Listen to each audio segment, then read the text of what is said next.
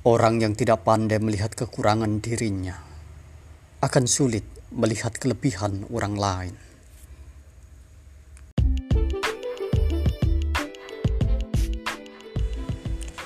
Orang yang tidak pandai melihat kekurangan dirinya akan sulit melihat kelebihan orang lain.